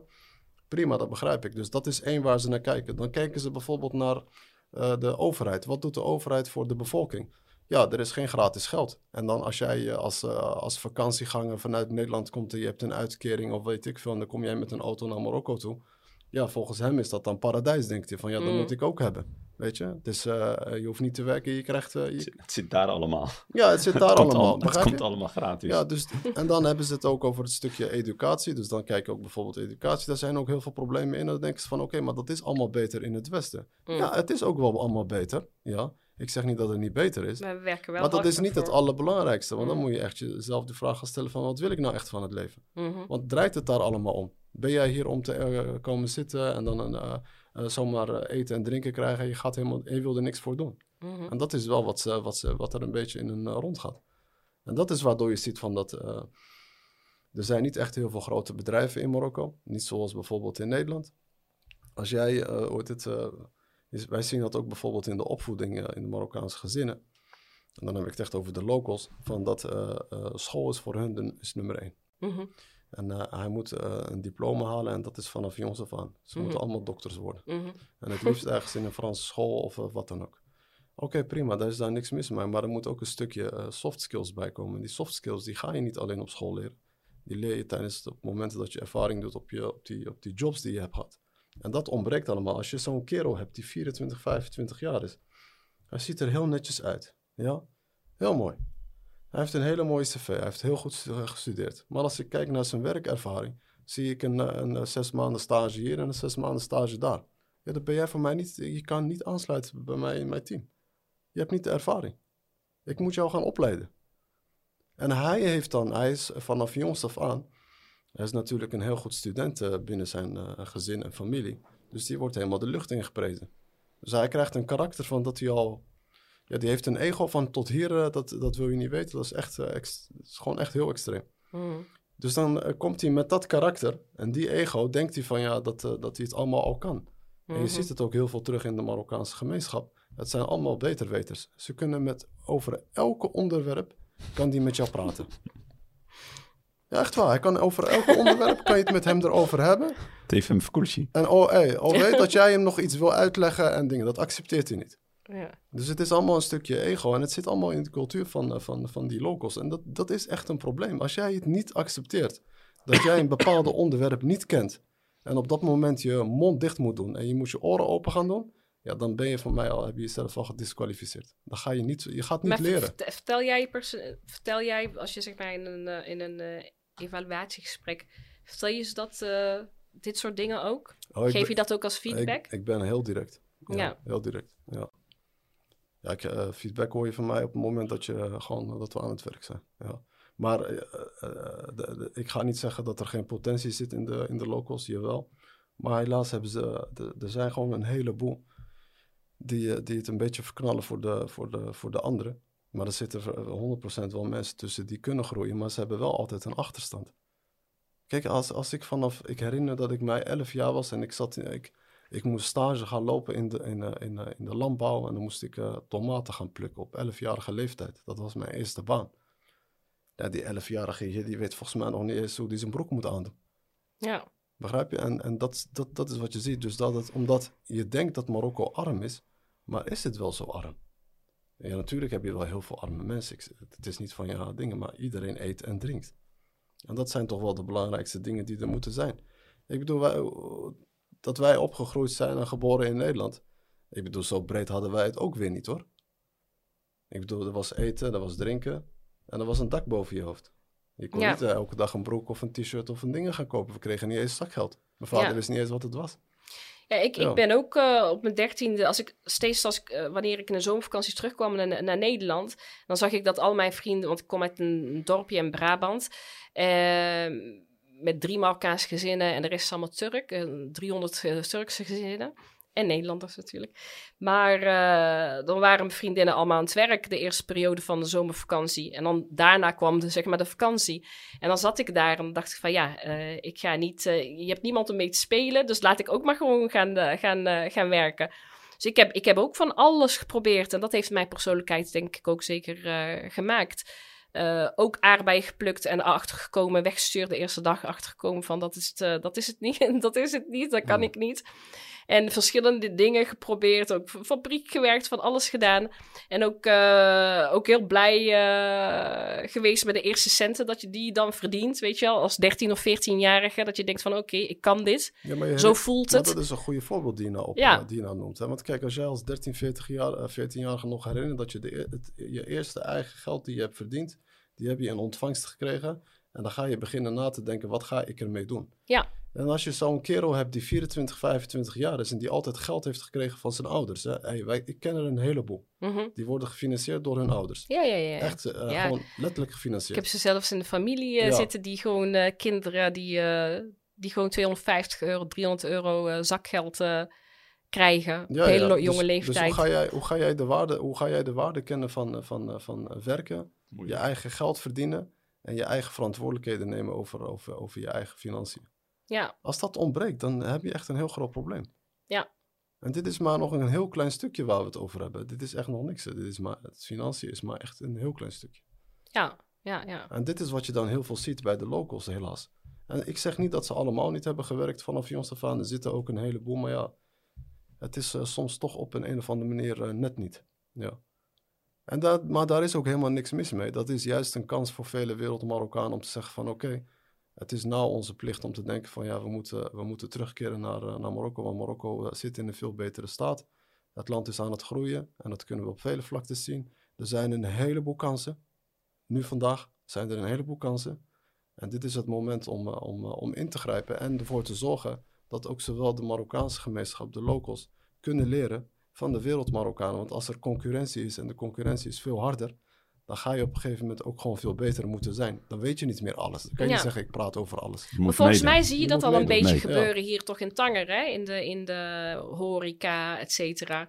Eh, doordat Nederlandse Marokkanen ook bijvoorbeeld hier heel veel eh, hebben geopend, is het ook gaan is er ook het een heleboel niveau kapot, ook ja. omhoog, eh, ja, maar dat, is- ja, maar dat zie je. Ja, En dat, is, en dat is dan nog maar een heel klein stukje. Dat is alleen maar de, de, de horeca-industrie. En dat is ook met, met Ali bijvoorbeeld en Knitra. mhm. Als jij daar vier, eh, vier restaurants hebt die gewoon heel erg goed draaien en kwaliteit leveren. En eh, het is niet eh, het, het, het normale wat daar is. Ja, dan, gaat, dan maak je het heel erg moeilijk voor andere eh, horeca-ondernemers. ja, Dus dan moet je of je moet, eh, je moet eh, echt heel goed je best doen en, en mee gaan concurreren. Ja, of je wordt uitgeschakeld. klopt. Weet je? En je, je kent, ik bedoel, jij kent de Marokkaanse men- mentaliteit. Ik investeer geld en ik ga achtersterover liggen of ik ben er niet. Weet je, Klopt. ik open het en eh, ik doe er niks meer aan. En dat is wat het is. Ja, En dan moet je eens voorstellen als al, alle andere sectoren op een gegeven moment, eh, waardoor je op een gegeven moment eh, dus wereld Marokkanen gaat zien die eh, echt hele hoge kwaliteiten hebben om, eh, en, en er zit ook eh, passie en energie achter mhm. en een hele goede intentie om ervoor te zorgen dat het project dat hij gaat starten, dat dat succesvol gaat worden. Dan ga je het heel moeilijk maken voor, eh, voor eh, wat, er, eh, wat ervoor was. En dat is ook hoe het moet. En dat is ook hoe het eigenlijk zou moeten gaan. Mhm. En dit is wat er gaat eh, zorgen dat vele locals op een gegeven moment over 10 jaar, 15 jaar, en dat de, vooral de wat jongere eh, kinderen die nou opgroeien, op ook gegeven beter moment presteren. op een gegeven- Aanpassen. ja, op Ja, een gegeven moment eh, dus eh, mogelijkheden gaan krijgen om, om, eh, om baantjes naast school te krijgen. Dus parttime. Parttime bestaat bijna hier niet. Weet je? Mhm. je ziet het bijna alleen maar in die grote multinational Mhm. bedrijven zoals McDonald's, Quick, eh, Decathlon. Weet je, die bieden nog parttime jobs aan. Mhm. En dat is ook heel erg goed. Dus dan kunnen ze naast hun studie kunnen ze gaan, kunnen ze gaan werken. En dan krijg je inderdaad over 10 of 15 jaar of 20 jaar... krijg je gewoon een hele andere Marokko. En, dat komt omdat, en dan krijg je dat de locals op een gegeven moment een veel betere mindset hebben. En zien dat, eh, dat in Marokko ook gewoon kansen, kansen bestaan. En Ja, dat je ja, gewoon ja. hogere posities kan krijgen, betere functies, meer kan verdienen. Ook zelf ondernemer kan worden. Alleen moet je daar de juiste energie in stoppen. En dat is wat velen nou op dit moment niet begrijpen. En mij ga je niet voor de. Mij ga, eh, ik, ik, mij ga je op dit moment niet kunnen overtuigen dat de, met de lokale, Marok, eh, lokale Marokkanen Marokko naar het volgende niveau gaat brengen. Dat geloof ik niet. De, ko- de, de tekortkomingen die er ook zijn bij de lokale Marokkanen, dat zijn die kortzichtigheid en die, eh, eh, eh, die lange adem. En, het opbouwen van iets, ja, dat hoort bij het lange adem, maar kijken naar, naar een, kwalitatief, of een kwalitatief iets wat je ook doet, naar een volgende niveau te brengen. En die, die, die, die, die zicht is er niet, die visie is er niet. Het is allemaal snel, snel. En het lijkt wel alsof iedereen zo snel mogelijk geld wil, geld wil, ver- wil verdienen, op welke manier dan ook. Mhm. Dan hebben we het nog niet eens over halal of haram. Ja, je hebt Snap je? zoveel problemen. Dus eh, dan, eh, eh, ja, dat zijn echt een van de grootste problemen die je echt eh, in, de, in, je, ja, in Marokko ziet. En, Ja. en eh, de, de, de wereldmarokkanen, ik denk dat daar meer in, zoals Jemme zegt, meer intentie in zit. Intentie, verantwoordelijkheidsgevoel. En dat is echt een van de belangrijkste dingen. Als je verantwoordelijkheidsgevoel bij hetgene doet waar je, waar je, waar je passie voor hebt, of, of waar je in gelooft, of waar je eventueel een bijdrage kan leveren aan, de, aan, de, aan, de, aan Marokko, ja, dan, uh, dan krijg je resultaat. En dat Ja. begint met de economie. Ja, Echt waar. Ja, ja. En daarna kunnen we ook zeggen van, uh, kijk, er zijn ook, er zijn ook uh, heel veel uh, baanmogelijkheden in Marokko. Dus er gaan op een gegeven moment, als je veel wereld-Marokkanen hier in Marokko gaat hebben, en die hebben bedrijven opgestart. Ik, ik neem heel graag mensen aan uit, uit, uit, uit, uit andere landen. Als ze kwaliteit hebben, dan neem ik liever zo eentje aan dat ik een local aanneem. En dan heb ik het vooral echt over belangrijke posities. En dat is ook weer heel erg goed voor de locals. Als ik, iemand, als ik een, een werknemer neerzet met kwaliteiten uit Nederland. En jij gaat op een gegeven moment samen moeten werken met, met zo iemand. Ja, dan ga je op een gegeven moment niet meer op hetzelfde manier werken hoe je daarvoor werkt. Dat is waar, ja. Dus, dus het is alleen maar positief.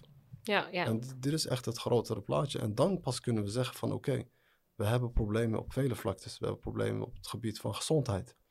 We hebben problemen op het gebied van onderwijs. Dat moet ook gewoon allemaal beter. En daar zitten ook gewoon weer heel veel kansen. We hebben ook heel veel problemen in politiek. Ik bedoel, het is niet zo professioneel als je bijvoorbeeld kijkt naar iemand in de Tweede Kamer of zo in Nederland. Ja. Maar dat is denk ik voor een latere fase, niet voor vandaag. Het ging, het ging, het ging vandaag om uh, Ahlem en we zijn nu de een hele andere kant op gegaan. Het lijkt wel alsof wij een podcast aan het opnemen zijn. Ja, dit, zijn dit zijn afleveringen die dan wij heb opnemen. ik, Ja, dan heb ik het ook gehoord. Ja, ja. maar ik, ik, dat is mijn mening erover. Ik, ik bedoel het uh, goed. Ik bedoel het uiteindelijk dat het, ik, ik, zou graag zien, dat is voor ons allebei en uh, denk ik Ja, een van de grootste doelen, om ervoor te zorgen dat Marokko naar het volgende niveau gaat. En eh, wij hebben gelukkig de kans gekregen, wij geloven er ook echt in, dat En het mogelijk gaat zijn. En wij gaan er ook een steentje bij dragen. wij gaan er echt een steentje Ja. op. doen. Ja, We meer gaan, dan een grote steen. Een grote een steen berg. bijdragen, inshallah. Inshallah, inshallah. Mooi, mooi om Ja. te zien dat jullie zo eh, Ja. grote plannen daarmee hebben. Ja. Ja. Ahlem, eh, jouw knoflook werd bestolen.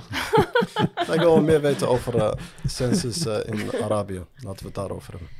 Ja, Ik ben op het ehm, idee gekomen en eh, hoe is het eh, begonnen? hoe het is begonnen. Ja. In de eerste periode dat ik in eh, de Emiraten ging wonen, was natuurlijk niet, was even niet makkelijk. Hè? Alles achtergelaten, iedereen achtergelaten. En helemaal op mezelf gewezen. Dus schrijven was mijn uitlaatklep. Dus soms schreef ik midden in de nacht een gedicht in het Engels. Want ik, ik, ik- ja, de hele dag is Engels. Hè? Praten, schrijven. Mijn werk is in. Dus dan vanzelf ga je dan ook in zo'n taal dan ook je emoties eh, uitdrukken. Ehm, dus eh, wat ik zei, ja, midden in de nacht, overdag, op verschillende momenten eh, schreef ik gedichten. En soms nam ik het mee naar mijn werk, naar de ambassade, naar mijn collega's. Dan liet ik het zien. En tot op mijn verbazing, de een die kreeg er tranen van, de andere zei van, mag ik een kopie bewaren? Dus dat vond ik heel bijzonder. Eh, en op een gegeven moment, ehm, tijdens mijn afscheidsspeech...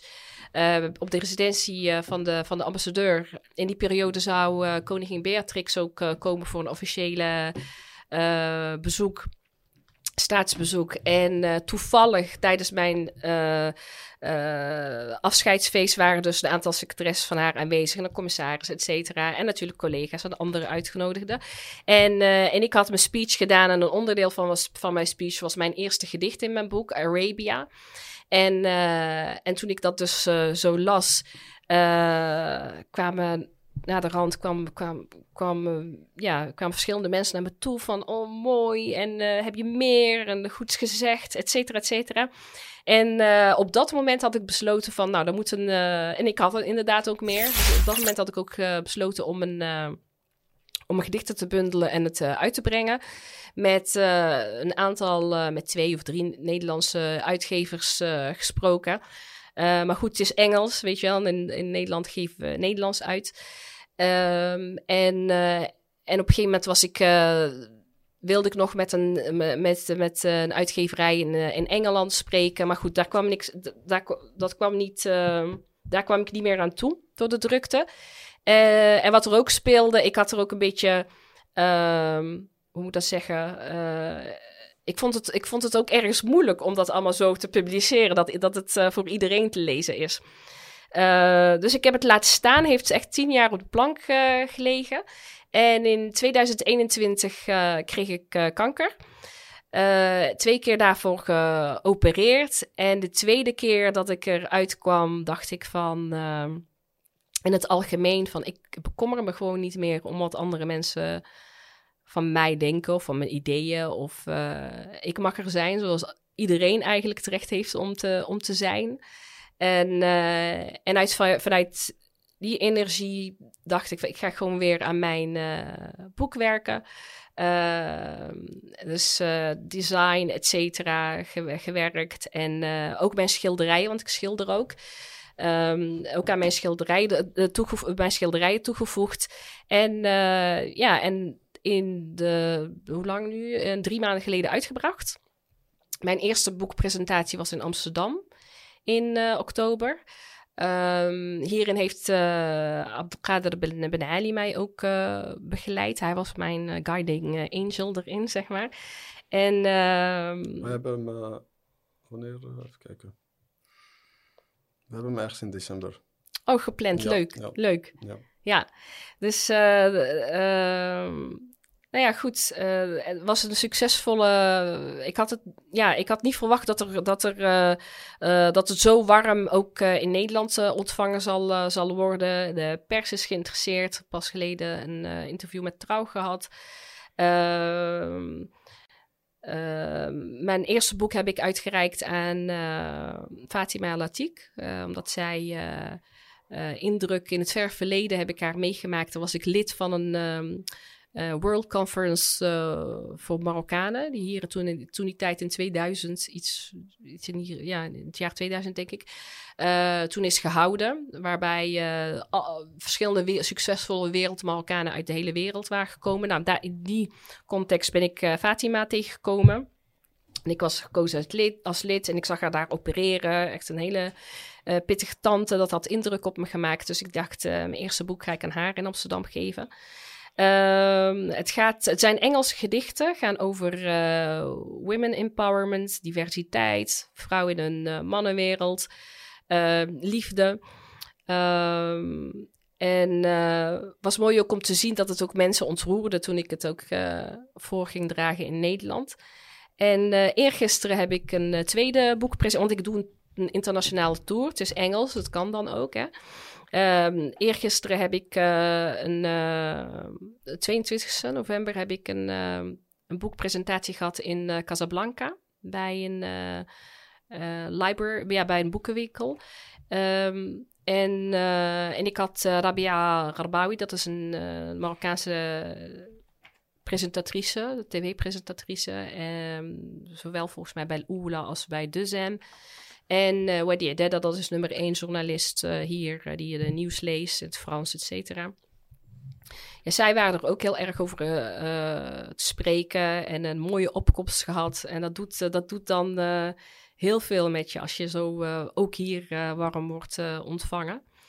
Um, ja, dat is, dat is mijn boek, denk ik. ja.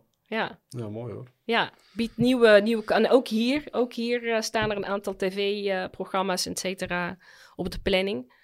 Dus ook hier is, uh, is er breed interesse. En blijkbaar is het ook iets wat heel erg leeft en heel erg thema's die nu heel erg spelen. ja, mooi om mee te maken. Ja, zeker. En ja, ik denk dat we veel, veel hebben meegekregen. Vooral je verhaal mooi om te horen. Dankjewel. Heb je, waar kunnen mensen je terugvinden? Waar kunnen ze trouwens het boek bestellen? Gewoon op de eigen website? Ja, hier in Marokko bij uh, Bloom, uh, Bloom Books and More op uh, .ma. En in Nederland op mijn eigen website, ja. En, uh, en binnenkort is hij, is hij ook gewoon te bestellen online.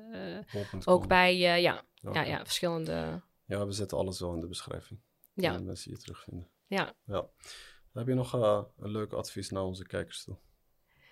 Een leuke advies uh, naar de kijkers. Uh, nou ja, naar Marokko komen. Dat is natuurlijk hoe meer Marokkaanse Nederlanders, des te, des te beter.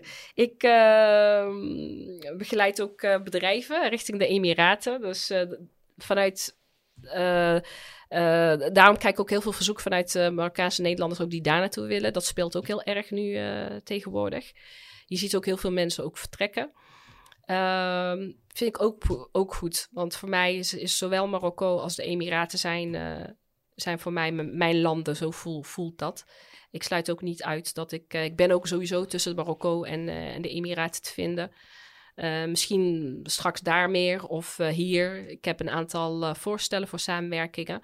Zowel in Marokko als de Emiraten. Dus even kijken wat het, ja. wat het gaat worden.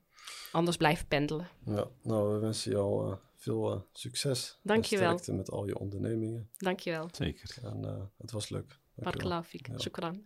Bedankt voor de uitnodiging. Zeker. graag gedaan. Assalamu alaikum.